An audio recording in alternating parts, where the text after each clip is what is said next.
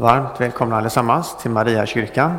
Idag på 20 söndagen efter trefaldighet. Vi börjar efter klockringningen med att sjunga psalm 586. Men innan vi lyssnar till, klockorna, till klockan så ber vi. Nu tackar vi dig vår himmelske Fader genom Jesus Kristus din älskade Son för att vi får samlas denna sköna söndag här i ditt tempel och vi ber om din välsignelse över denna gudstjänst, att du ska få fylla oss var och en med din helige Ande. Vi ber för stora och små. Vi ber för dem som är nya i tron, för dem som länge har vandrat med dig.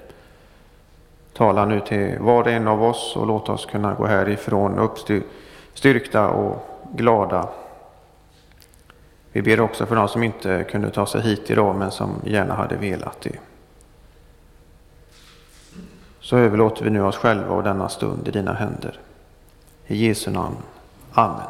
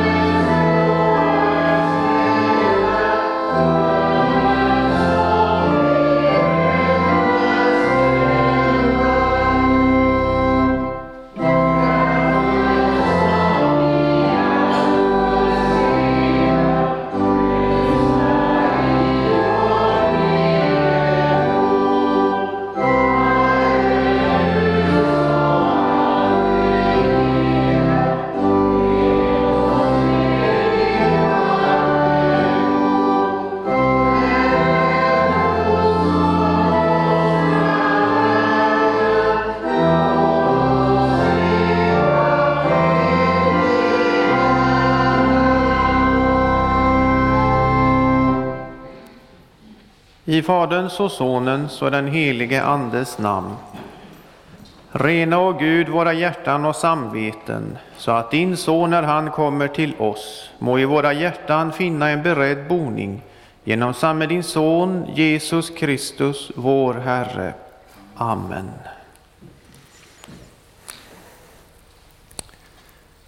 Till man och kvinna skapade han dem.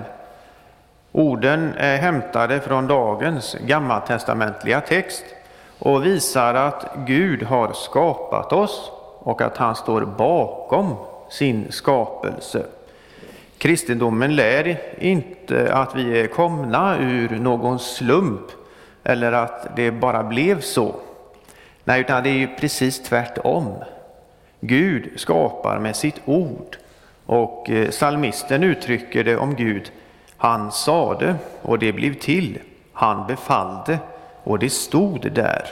Saltaren 33, vers 9.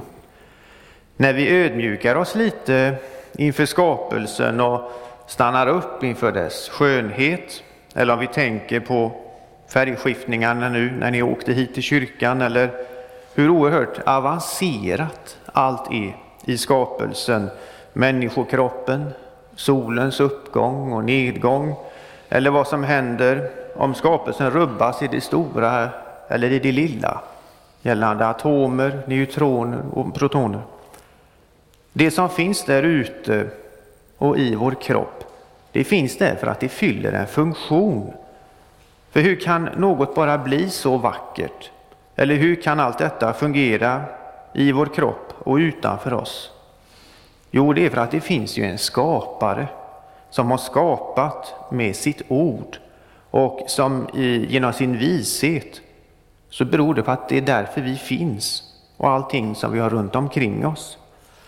Och till denna Guds tanke, plan och vishet så har vi då också de här orden som vi började med idag och som vi ska få lyssna till sen. Till man och kvinna skapade han dem. Dessa ord är också grunden för det kristna äktenskapet mellan man och kvinna och därmed är, något, eh, är ju äktenskapet något som Gud har instiftat. Men lyssnar vi på detta? Och hur är det med människor ute i vårt samhälle? Eh, från styrande, i media och så vidare. Lyssnar folk till Guds ord? Till man och kvinna skapade han dem. Nej, alla gör inte det där ute. Synden finns i världen och när det gäller synden i relation till skapelsen finns ju alltid frestelsen att tjäna det skapade istället för skaparen. En människa kan i sin nöd vända sig till Herren Jesus och få hjälp. Men hur blir det efteråt? Förra veckan så fick vi på ett förtjänstfullt sätt höra om hur det bara var en som vände om och tackade Herren Jesus. Men var var de andra nio? Syndens makt den är stark och vi ska därför heller inte blunda för de makter i vårt land som är i görningen gällande att försöka ändra på Guds eh, synsätt gällande skapelsen. Och dessa makter är ju i grund och botten fördärvsmakter som vill riva ner och förstöra, även om vi i medier eller med egna, via medier eller egna ögon ser viftande flaggor och hör musik och skratt. Det är ju nämligen så att somliga menar ju att människans kön är alltså en social konstruktion. Det betyder att det är något som var och en avgör hur man ska förhålla sig till, om man vill vara en man eller en kvinna. Och vi har en oerhörd normkritik ute i samhället. Normer det är ju alltså något som vi medvetet eller omedvetet förhåller oss till. Och en sådan norm eh, var ju och är ju fortfarande, men tidigare var det mer dominerande. Men det var ju Guds skapelseordning att till man och kvinna skapade han dem. Men mot denna norm drivs ju en revolt, en opinion som man är kritisk emot, alltså en normkritik. Och när det gäller ID-handlingar så har ju flera länder idag infört ett tredje könsalternativ och då kan det stå annan. Och detta är ju egoismen i sitt esse. Så frestelsen och villfarelsen gällande synden i relation till eh, skaparen och skapelsen ligger alltså i att tjäna det skapade och göra sig till herre över det istället för att tjäna skaparen. Ödmjuka sig och eh, under hans nåd och barmhärtighet och gå in under den ordning som han i sin vishet har eh, fastställt åt oss gällande man, kvinna och barn. Kristenheten har ju inte bara till uppgift att bekänna sina synder, tro på Jesus och så vidare, utan den har ju också till uppgift att stå upp för Guds skapelse och då på ett värdigt, respektfullt och fint sätt stå upp för sin bekännelse. En enskild kristen människa eller en församling som helhet som inte har en bekännelse att stå upp inför kan ju snart börja flacka åt ena eller andra hållet. Kommer det oliktänkande på besök eller åsikter försöker göra sig gällande, då, då, får man ju visa att du är välkommen hit. Men här i Mariakyrkan som på många andra platser inom kristenheten så gäller ju bekännelsen som Gud har gett oss i sitt ord, att till man och kvinna skapade han dem. Och han som har skapat oss och instiftat äktenskapet, han har också gett oss en försoning i Jesu blod. Och Det betyder också att den som ber, den får, och den som söker, den finner, och för den som bultar, så ska ju dörren öppnas. Och låt oss nu be och bekänna.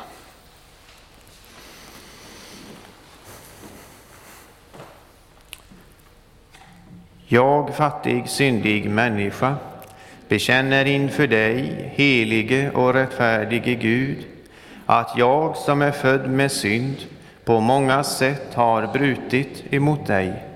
Jag har inte älskat dig över allting och inte min nästa som mig själv.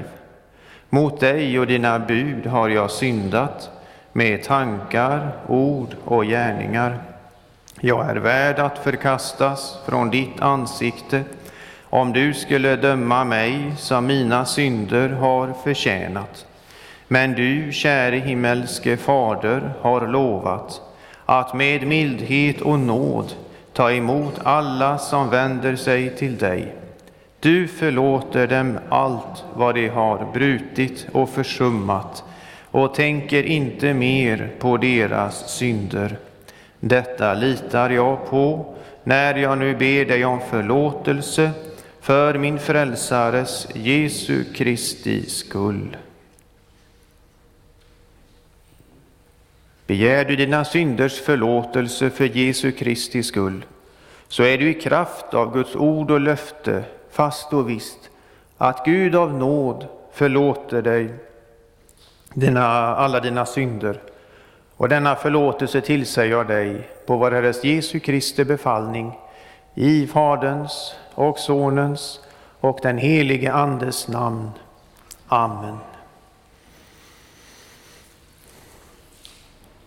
Käre Fader i himmelen, vi tackar dig syndernas förlåtelse genom Jesus Kristus, vår Herre. Amen. Helige Herre Gud, helige starke Gud, helige barmhärtige frälsare, du evige Gud, förbarma dig över oss. Amen.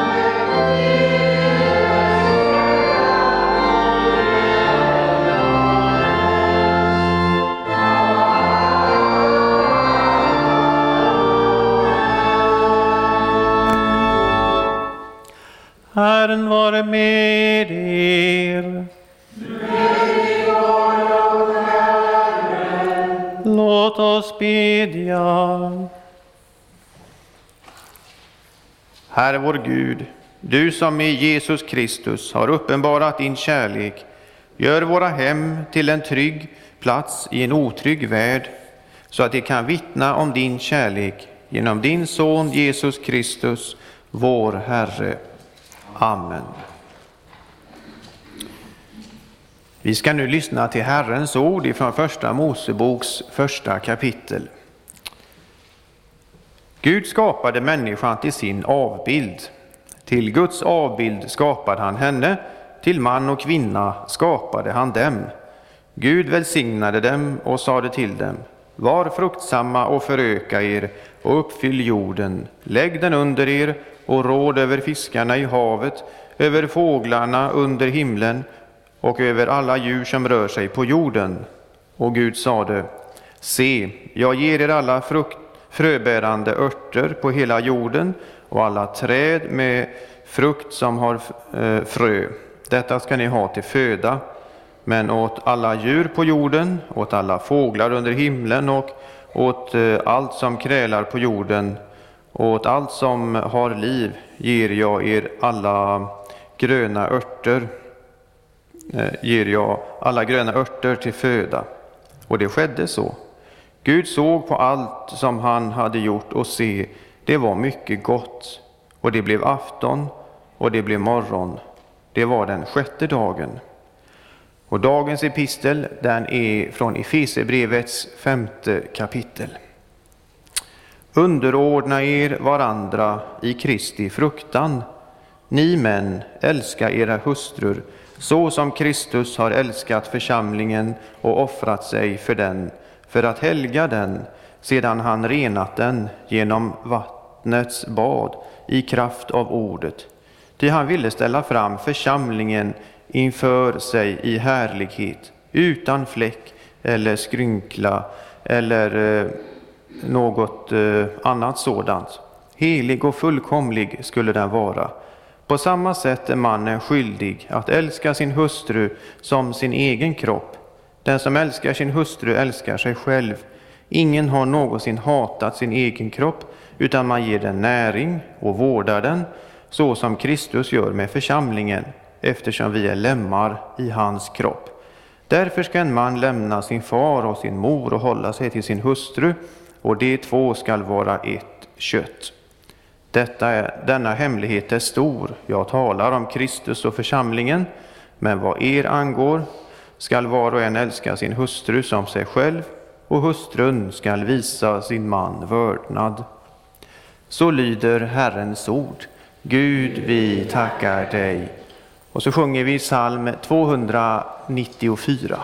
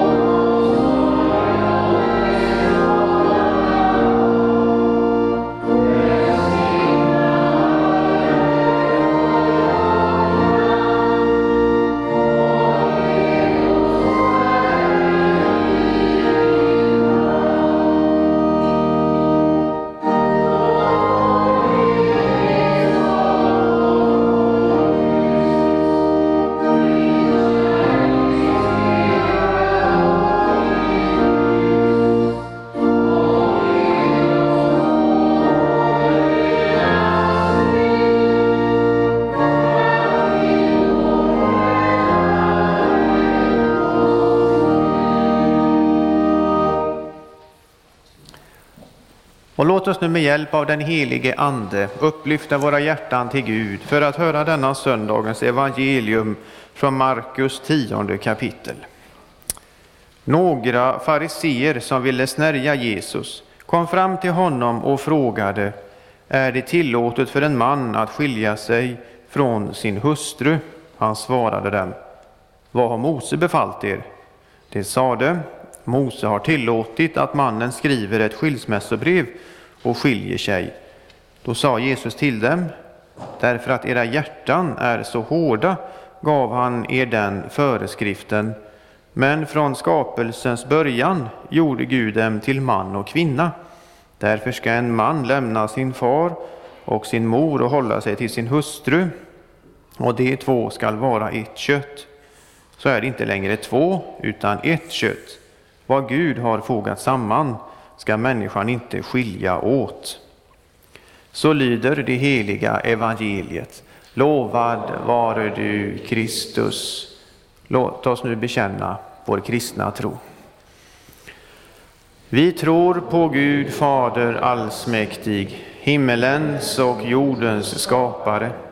Vi tror och på Jesus Kristus, hans enfödde Son, vår Herre, vilken är avlad av den helige Ande, född av jungfru Maria, pinad under Pontius Pilatus, korsfäst, död och begraven, nederstigen till dödsriket, på tredje dagen uppstånden igen ifrån de döda, uppstigen till himmelen, sittande på allsmäktig Gud Faders högra sida, därifrån igenkommande till att döma levande och döda.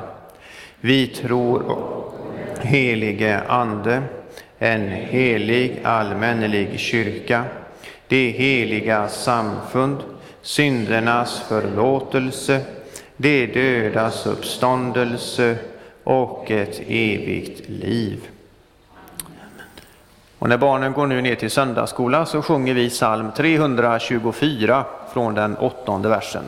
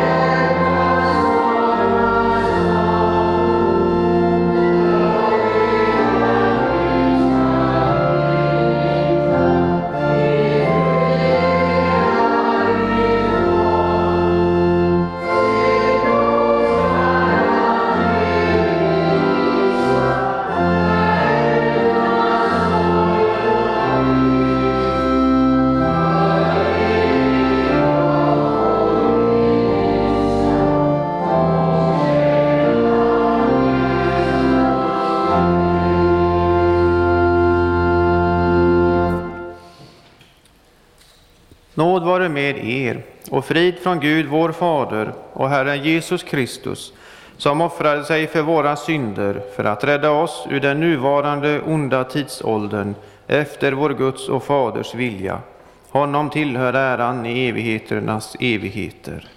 Amen.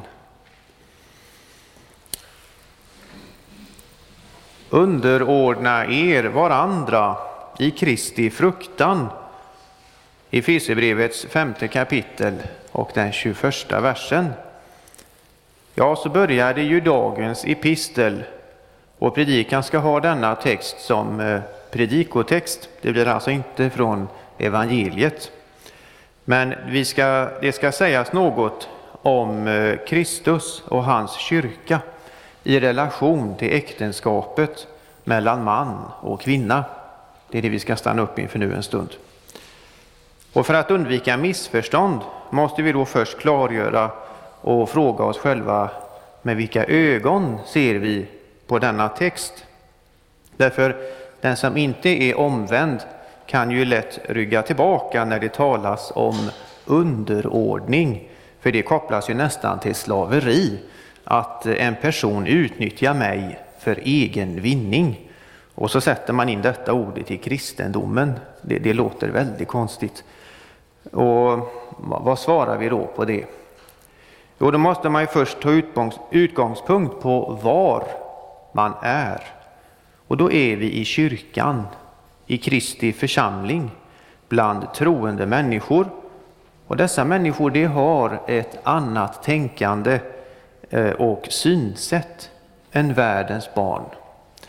Eh, här ses inte Paulus ord underordna er varandra i Kristi fruktan som en piska, utan tvärtom något som man med Guds andes hjälp frivilligt går in under.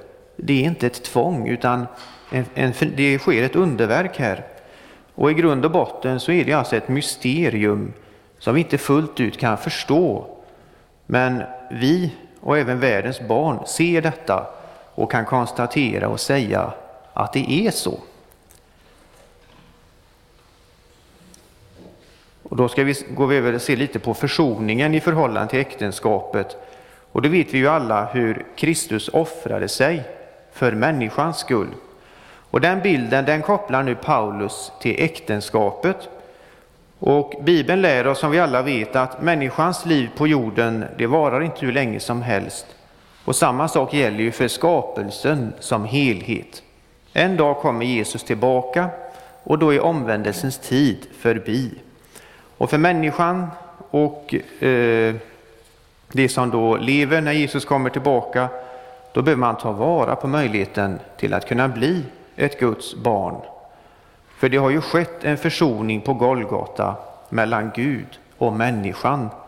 Och om vi tänker på människan, och så kan vi gå tillbaka till Gamla Testamentet och se på Abraham, så behövde han inte offra sin son Isak, utan Gud sände ett offer det var en bagge som eh, brännoffer.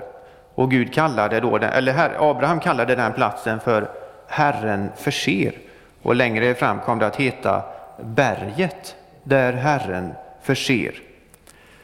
Och när det gäller människans synd mot Gud, eh, att vi inte av oss själva förmår möta honom, komma honom nära, trots att han älskar oss. Och det är för att synden finns mellan oss och Gud.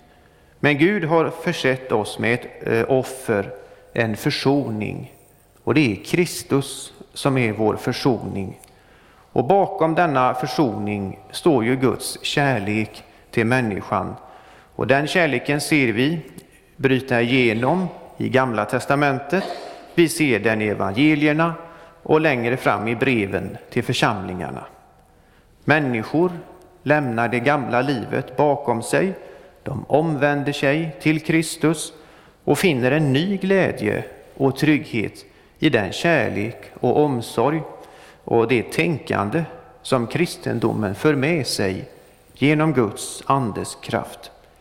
Och det är alltså denna tankegång som Paulus nu använder som ett bollplank om ni tänker på skolgårdar eller en husvägg.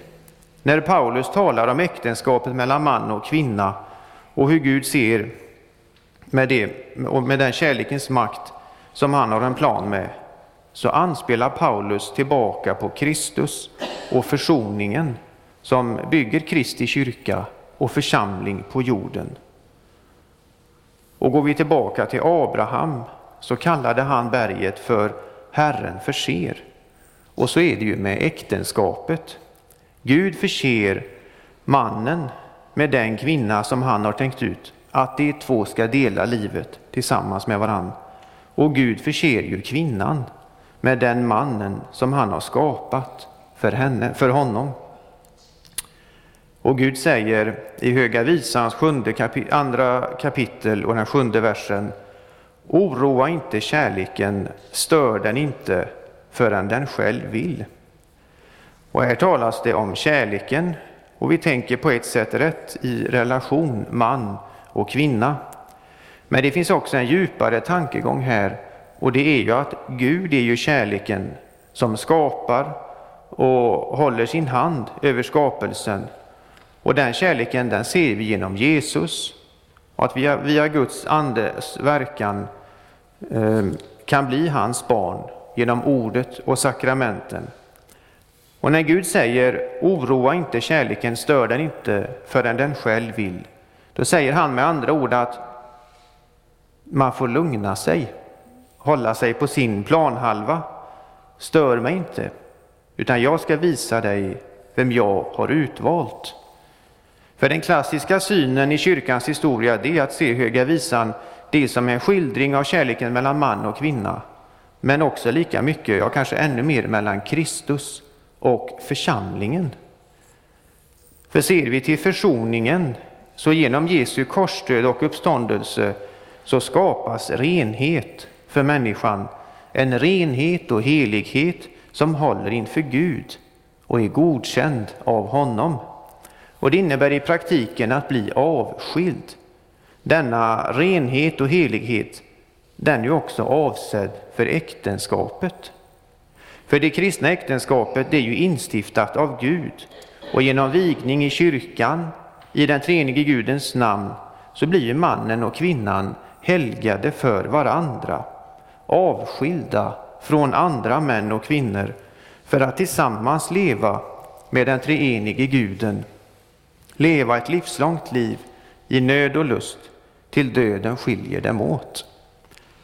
I Hebreerbrevets trettonde kapitel och den fjärde versen så står det Äktenskapet ska hållas i ära bland alla och den äkta sängen bevaras obefläckad.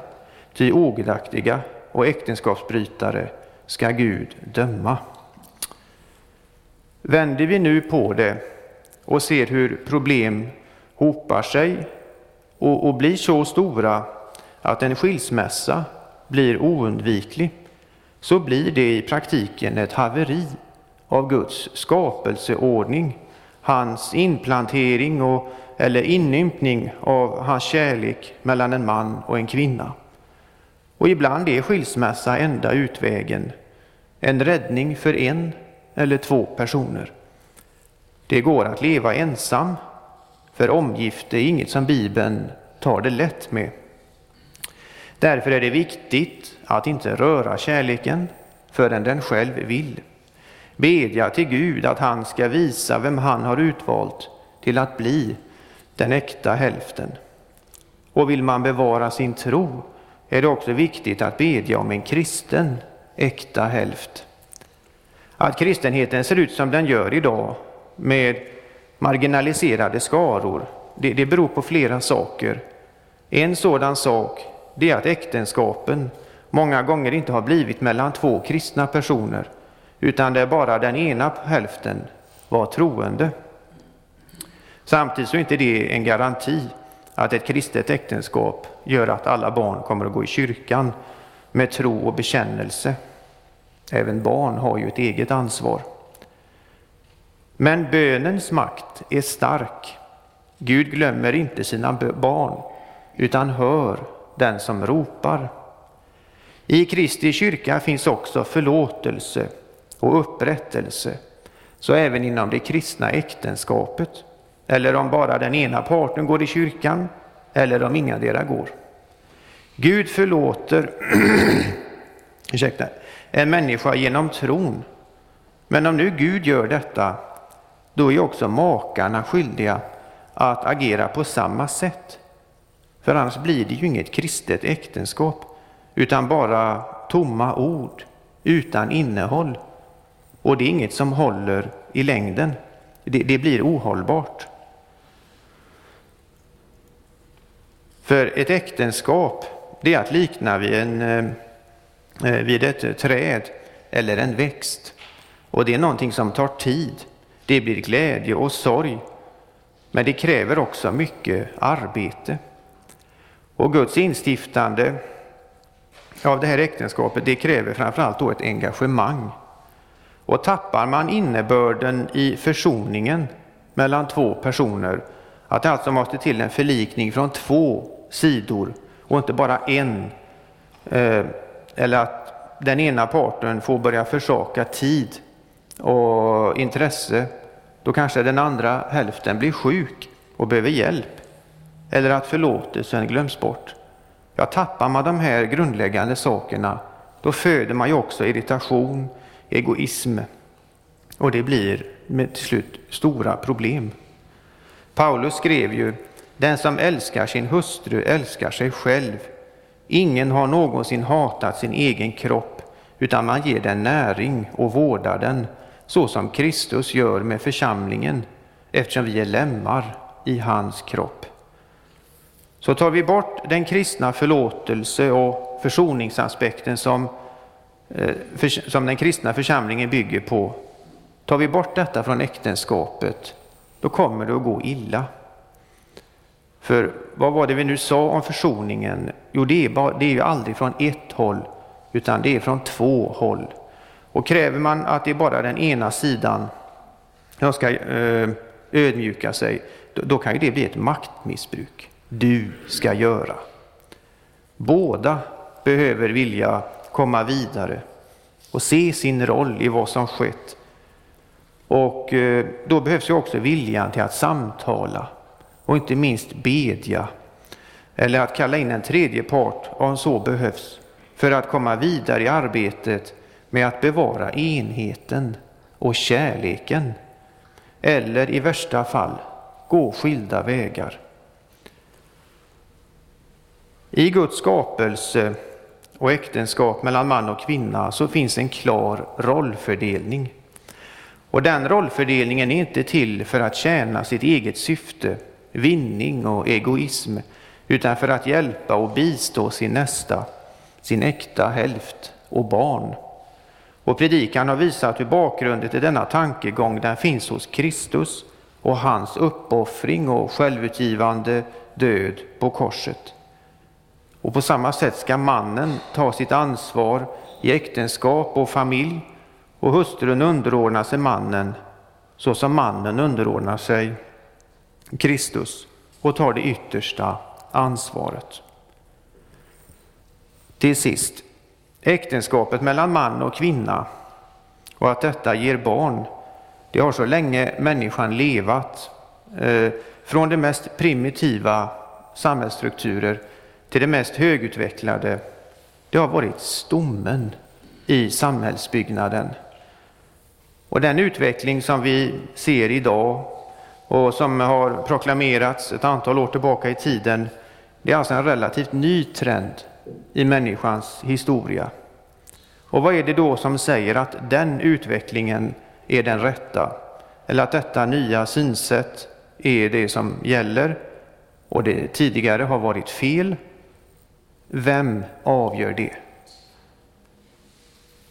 Så ni män, glöm inte bort era hustrur och ni hustrur, glöm inte bort era män.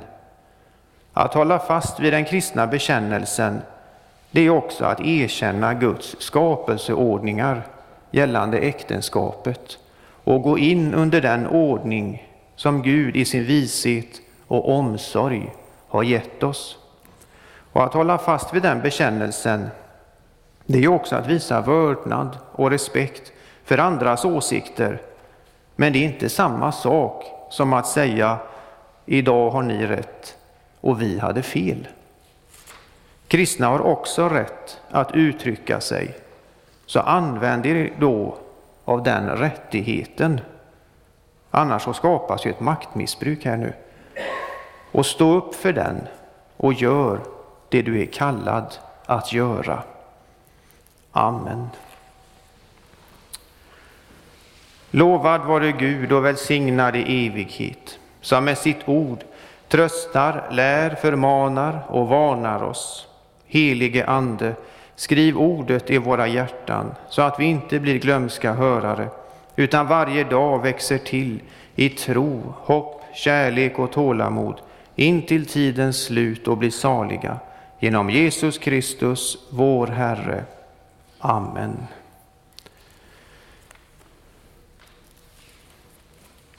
Och innan vi sjunger psalm 257 så säger vi till sist Han som förmår göra långt mer än allt vi ber om eller tänker genom den kraft som mäktigt verkar i oss. Honom tillhör äran i församlingen och i Kristus Jesus genom alla släktled i evigheters evighet. Amen.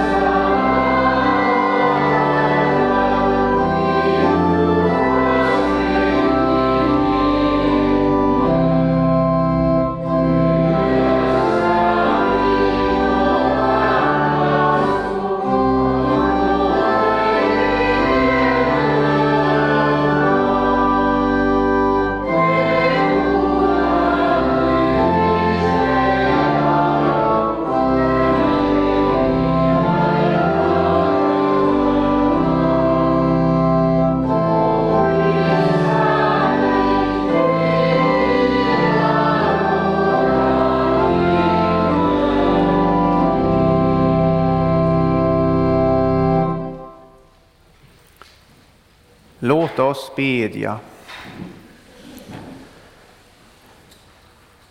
Herre vår Gud, vi ber dig, styrk och led din kyrka och samla ditt folk kring ordet och sakramenten. Låt ditt evangelium nå ut i hela världen och väcka levande tro. Vi ber för biskop Bengt i hans arbete. Vi ber att du ska ge oss eh, präster och elever till församlingsfakulteten i Göteborg. Att du ska väcka och kalla kyrkmänniskor till vårt land, till våra bygder och vår församling.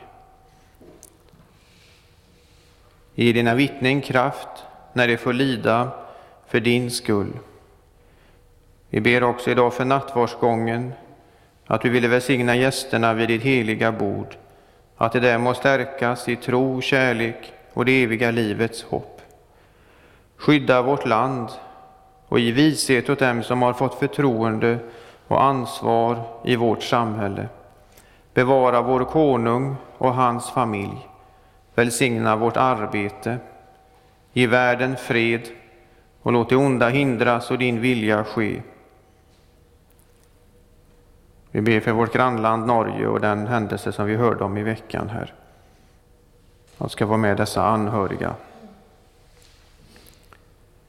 Och också med denne man. Hjälp honom att inse vad som har skett. Ge oss dagligt bröd och stärk vår vilja att dela med oss åt dem som lider nöd. Och låt våra hem präglas av sammanhållning, trygghet och kristen tro. Hjälp oss att värna om det heliga äktenskapet som du har instiftat mellan man och kvinna. Och hjälp oss också att stå upp för livet i dess början och i dess slutskede. Hjälp oss var och en att förstå att det är du som håller detta i dina händer. Gör vår församling till ett hem där vi får mötas i bön, arbete och gemenskap. Och vi tackar dig för Maria kyrkan, att vi får samlas här till gudstjänst. Vi tackar dig för vuxenbarn, kör och bibelförklaringar och katekesundervisning. Vi tackar dig för städ och vaktmästeri, för kyrkoråd och allt arbete som här bedrivs. Omslut oss alla på dina sidor. Kom, Herre, till de sjuka, sörjande och ensamma. Sänd oss till dem som behöver vår omtanke och vårt stöd. Följ oss hela livet med din nåd och låt oss till sist komma hem till din eviga glädje. Genom Jesus Kristus, din Son, vår Herre. Amen. Och eh, som beredelsesalm så sjunger vi psalm 76 från den andra versen.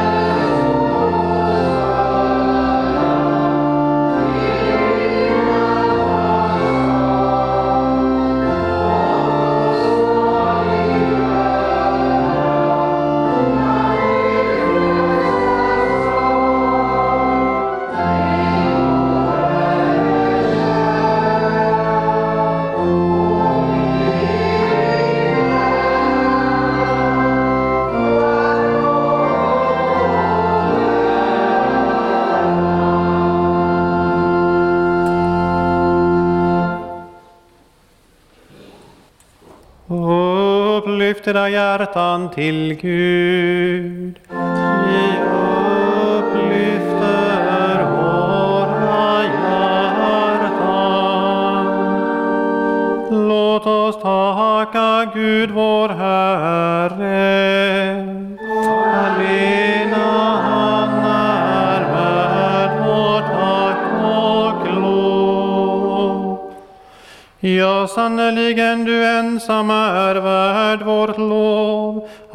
Allsmäktige Fader, helige Gud, dig vill vi prisa och välsigna genom Jesus Kristus, vår Herre. Han är det levande brödet som kommit ned från himlen för att ge världen liv. Den som kommer till honom skall aldrig hungra och den som tror på honom skall aldrig någonsin törsta. Därför vill vi med dina trogna i alla tider och med hela den himmelska härskaran prisa ditt namn och tillbedjande sjunga.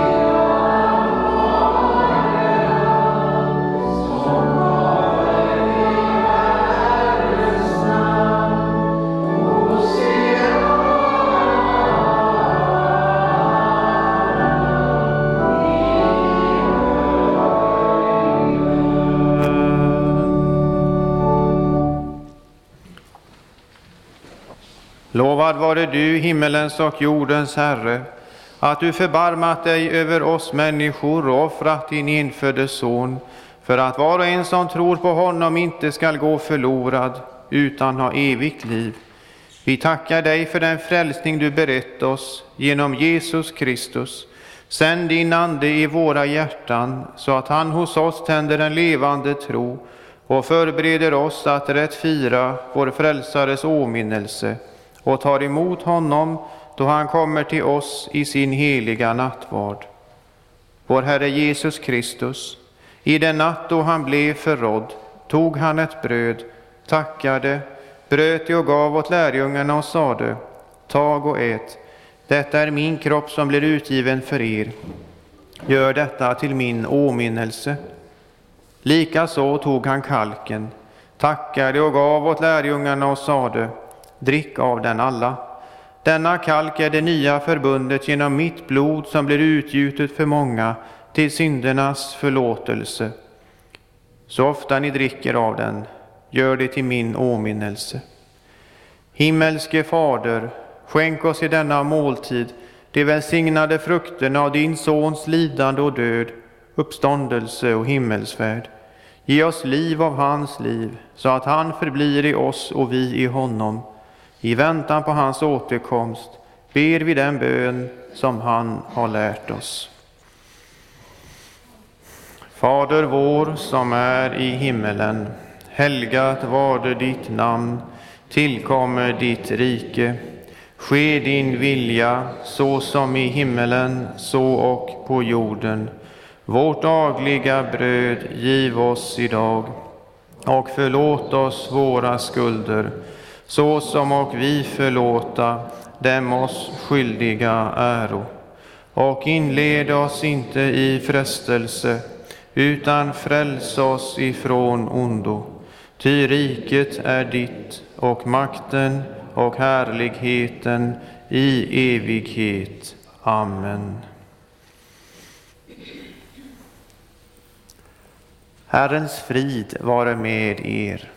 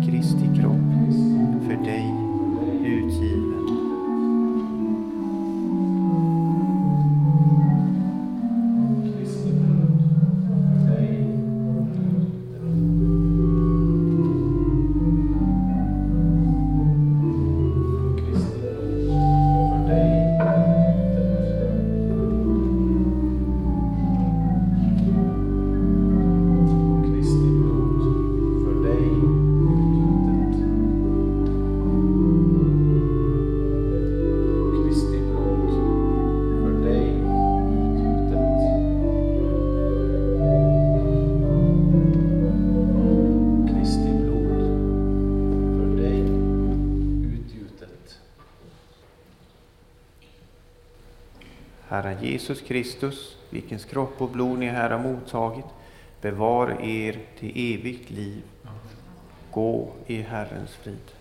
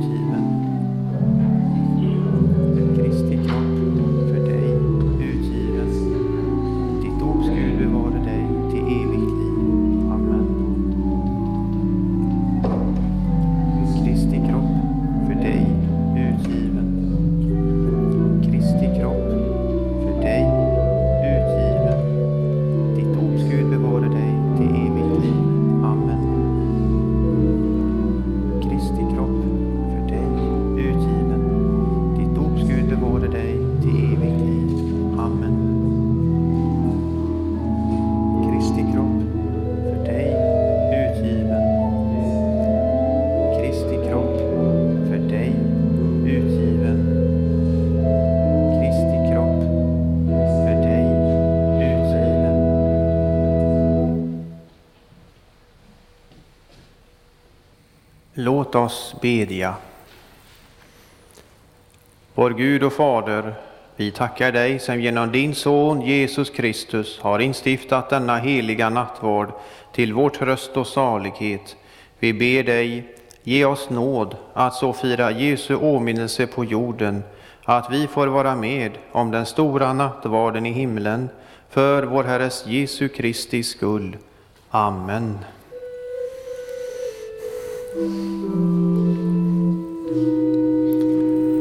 Låt oss tacka och lova Herren.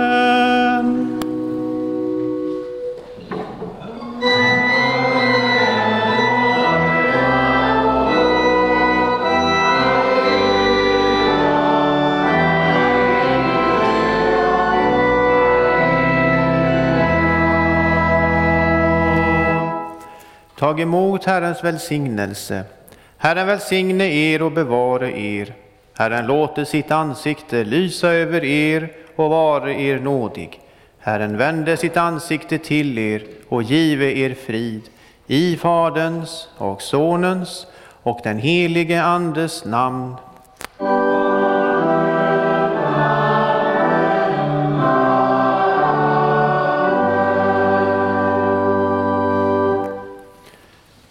Och så avslutar vi med att sjunga psalm 330 från den fjärde versen.